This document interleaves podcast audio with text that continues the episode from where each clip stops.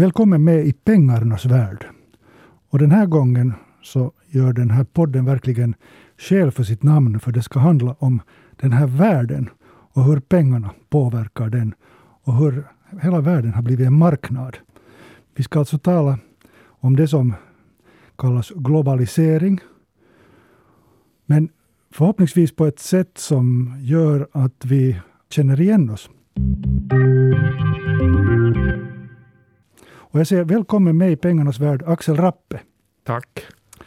Axel Rappe är journalist vid Svenska Yle, min goda kollega och vän. Och eh, också forskare. Du är politisk doktor och ett resultat av, av ditt forskande är en bok som heter Mera marknad, mindre demokrati med underrubriken om demokratins minskade utrymme på den fria marknaden. Och det här är en, en skrift som, som känns ganska Eh, också provocerande skulle jag säga. Du tar kraftig ställning här. Någonting som du inte kan göra när du jobbar som journalist. Nej, det, det, det, är en, det är ett dilemma här för mig naturligtvis. Men, men, men på något vis hade jag ändå en, en att jag måste få ur mig det här. För att jag, jag ändå, när man är som journalist så tittar man mycket på samhällsproblem och, och kommer underfund med vad som fungerar och inte fungerar och hur människor blir i kläm på grund av olika saker. Och som forskare så, så vill man ju utreda hur saker och ting hänger samman. Och, och då har jag börjat läsa mig på på en hemskt mycket eh, ekonomisk litteratur och, och, och hur, hur olika forskare ser på världen. Och, och det här kanske är en, en, en sammanställning lite av hur en del forskare ser på världen. Och, och, och, och, jag vill väcka debatt. Jag, vill inte, jag kommer inte med några sanningar, utan jag vill väcka debatt. att Vart är vi på väg och hur, hur ska vår demokrati se ut och vilka värderingar uh, ska vi värna om och inte värna om, kanske. Här, genast i inledningen så kolliderar två världar på sätt och vis, tycker jag, när jag läser den här boken. När vi talar om globaliseringen så känns det ju som någonting otroligt abstrakt. Och jag menar, vi har visserligen hört talas om det här nu i många år, men fortfarande är det någonting sånt som sker på ett abstrakt sätt ovanför våra huvuden. Men sen kolliderar den här abstrakta pengarnas globala värld med vår verklighet. Och du citerar här en postutdelare i Sibbo som har varit intervjuad av Svenska Yle. Och eh, postutdelaren säger att den här strejken har varit tuff för mig. Och Det är det här som jag tycker är intressant i det här greppet som du har i den här boken, som handlar om globalisering, men som handlar om egentligen vad den betyder för dig och mig i vardagen. Och, mm. och om du tar den här poststrejken som exempel, vad har den att göra med globaliseringen? No, det har att göra med det att, att posten är ett bolag som ska i princip göra vinst för staten.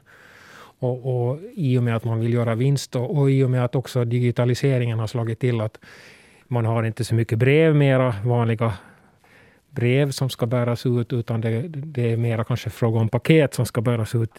Så, så, så då sanerar posten och, och friställer och eh, en del av postutdelarna och också försöker sänka lönerna. Och, och det här var väl upprinnelsen till den poststrejk som vi hade här för ett par år sedan, blir det väl nu. Globaliseringen tycker jag Alltså diskussionen om globaliseringen fick sitt startskott i Finland tycker jag när vi talar om om Kina-fenomenet, det vill säga plötsligt märkte vissa företag att uh, det finns billig arbetskraft i Kina och man utlokaliserar produktionen av olika elektroniska komponenter till exempel till Kina. Det var mycket billigare. Ja, det, kanske, det, det, det var ju då som vi märkte kände det i ryggskinnet så att säga, vad, vad det egentligen betyder så att säga. Och, och, och, det har att göra med att, att var, var kan det produceras till en billig penning så att säga och, och, och, hur mycket är vi beredda att betala när vi går och köper våra varor i butiken. Vi kan ju ta kläder till exempel som tillverkas i Indien och andra ställen och, och, och eh, som är då förhållandevis billiga för att och det tycker vi ju om, men samtidigt har det då den här baksidan att vissa arbetsplatser förflyttas dit där arbetskraften är som billigast.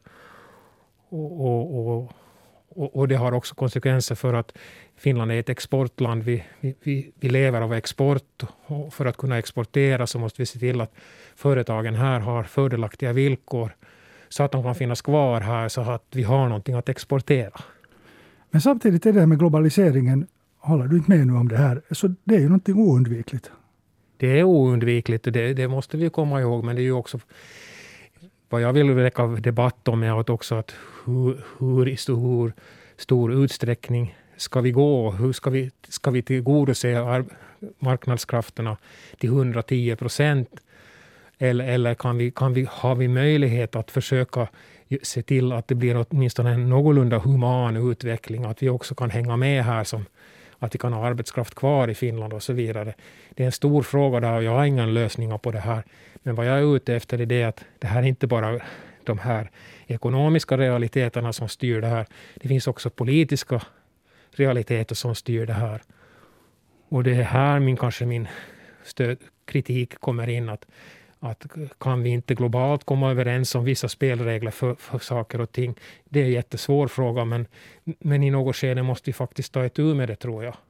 För att vi har eh, motkrafter som utnyttjar situationen. Vi har eh, populistiska rörelser som, som ser sin möjlighet att, att vinna poäng på att svaga i samhället har, har att det har gått dåligt för dem och då, då vill de tillgripa, Eh, få makt för att kunna hjälpa dem så att säga.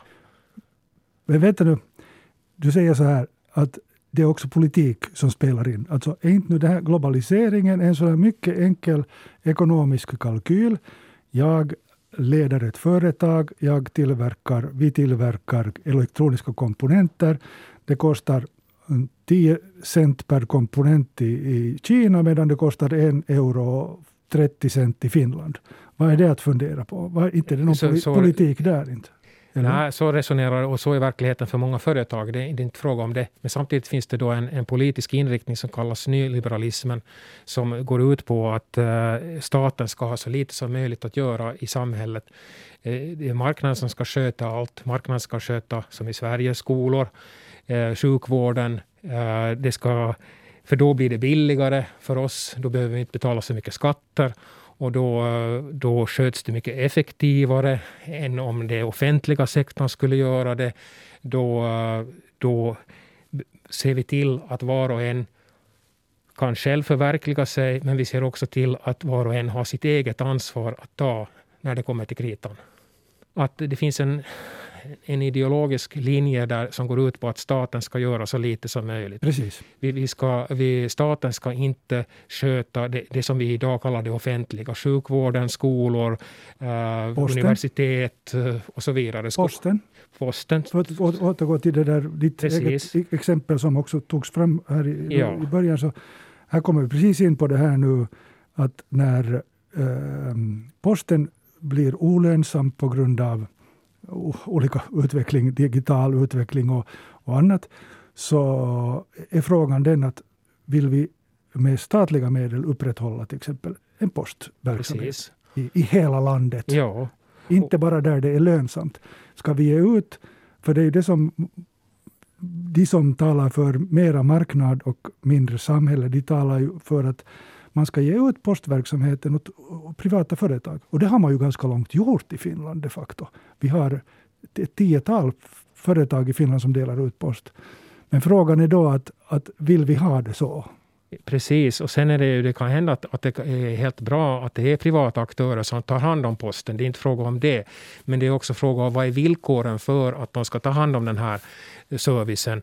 Och, och vad, vad är liksom eh, ramarna? Vilka ramar ger vi åt privata företagare? Får de fritt fram att göra vad som helst? Får de fritt fram att lämna folk i glesbygden utan service? Får de fritt fram att eh, eh, att, läm, att eh, till exempel när det gäller sjukvårdsreformen, att, att den var inte grundlagsmässig därför att eh, man, den var inte jämlik. Den, den omfattade inte alla. Eller det, det var, fanns en risk för att alla skulle inte bli omfattade att få en likadan service till en lika hög kvalitet. Och, och, och samhället, staten, är en garant för att, åtminstone har varit hittills, en garant för att kunna säkerställa att alla har en möjlighet att få samma utgångsläge. Så det börjar låta nu som på sätt och vis debatten i USA där det finns på sätt och vis två väldigt polariserade läger. Där den ena säger att människan, eh, individen, står för allt. Individen har ansvar för sitt liv och också får ta motgångarna när de drabbar en bäst individen kan, bäst hen kan.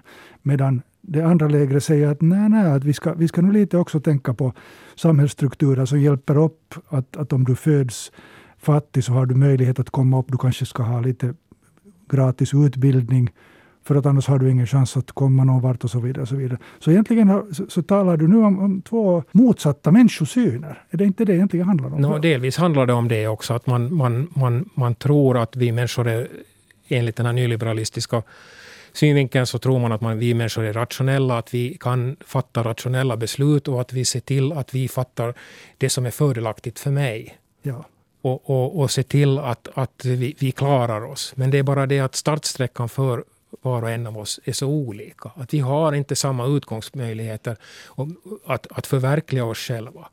Och sen om, om, om det går fel, om du fattar fel beslut, du, du satsar på fel häst så att säga, så får du skylla dig själv. Mm. Om vi tar USA som exempel, så där, jag menar jag har en kusin som, som måste opereras på grund av, att blindtarmen exploderade och, och, och hon fick ha ha en insamling för att överhuvudtaget klara av kostnaderna för den här operationen. Mm. Här i Pengarnas värld den här gången så diskuterar vi med Axel Rappe som har givit ut en bok som heter Mera marknad, mindre demokrati och som tar upp just de frågorna vi diskuterar. Och när du har studerat vad ekonomiska tänkare och forskare säger om det här, så vad, vad säger de då? Är marknaden effektiv? Det, det är, den offentliga sektorn så svällde alldeles för mycket ut under eh, 70 och 80-talet men, men, och, och, har kanske styrts upp av, av ekonomiska uh, synsätt att se hur man ska styra en organisation. Men, men, uh, men sen när det gäller de andra sakerna, när det gäller den här påståendena om att, att uh, lägre skatter skulle gynna alla, att uh, valfriheten är, är, det enda rätta och så vidare. Så då, då, finns det många som säger att nej, så här är det inte alls, utan det här är ett önsketänkande. Och när det gäller till exempel valfriheten så, så den skulle ju fungera jättebra om alla skulle ha information om olika alternativ. Alla skulle ha en lika stor information om alla olika alternativ. Och, och, att man också skulle ha förmåga att tillgodogöra sig den här informationen så att man tar de rätta besluten. Men när det inte är så, eh, det, här, det gäller ju också till exempel sjukvården, om vi ska, vi ska välja det rätta alternativet för att få den bästa sjukvården för oss själva. Det är vi själva som ska ta det beslutet. Och om du är sjuk, du, du, du har, hur stora möjligheter har du då, beroende på hur sjuk du är, att tillgodogöra dig olika information? Hur får du tag på den här informationen? Hur ger de här olika aktörerna eh, offentliga sjukhuset, det privata sjukhuset, det eh, operationsfirman. Det kan till och med vara en bank som upprätthåller eh, ett sjukhus idag. Hur ger de ut den här informationen? Den ser bra ut på pappret, men sen när det kommer till kritan så kanske det i förlängningen så blir det dyrt och, och du har inte ännu fått den där perfekta vården som du har blivit utlovad. Så det, det finns en viss skillnad om du är medborgare i ett samhälle eller om du är en konsument på en marknad, med andra ord. För att det som du beskriver är att, att jag är konsument på en marknad, till exempel om sjukvårdssystemet är helt privatiserat. Och jag måste själv välja bland alla alternativ, precis som när jag väljer frukostflingorna i, i affären. Då ser man nyliberalistiska tendenser i Finland då? No, delvis kan man säga det. Det finns en, ett stort Uh, man är alla överens om att vi ska ha en välfärdsstat, men, men nu har den ju förändrats mycket. Och, och, och, och eh, vi är inte på långt när i närheten av USA eller något sånt här, utan vi har ännu en, en, stark tro på, på en välfärdsstat där vi ska ta hand om alla och så vidare. Men, men det börjar, ska vi säga, det, det luckras upp de här och har gjorts under de senaste 30 decennierna har det ju luckrats upp på ett eller annat sätt, de här sakerna. Och, och då är frågan det, hur långt kan vi gå? Sen är det det att, att sen, sen, är det ju, sen har vi nedskärningar som för att få, få ekonomin i ett bra skick så ska vi ta till nedskärningar och ska se till att budgeten är i balans och så vidare. Mm. Vi, ska, vi ska hålla ordning på våra utgifter och så vidare. Men, men det här gör ju det att vi säger att vi ska, vi ska se till att vår ekonomi är bra så att våra barn i framtiden inte ska behöva lida. Men då är min fråga det att om vi skär ner på barnfamiljernas möjligheter och utkomststöd och så vidare, så varför ska de barnen få lida idag? Och, och det här öppnar upp, som jag vill igen, alltså det är därför jag skriver den här boken, för att det här öppnar upp för andra krafter, för de människor som det går dåligt för och som kanske känner sig utanför den globala ekonomin, som, som har som har hamnat på efterkälke, som, som inte har kunnat gripa tag i den där chansen, den där möjligheten som har utlovats. Så de, de har blivit intressanta för, för, för andra politiska rörelser. Och de politiska rörelserna har inte svaren på de här frågorna heller. Och, och, men de, de har ett annat syfte. De har ett syfte att få makten och de har ett syfte för att kringskära demokratin ännu mer. Tack Axel Rappe för att du var med i pengarnas värld den här gången. Tack.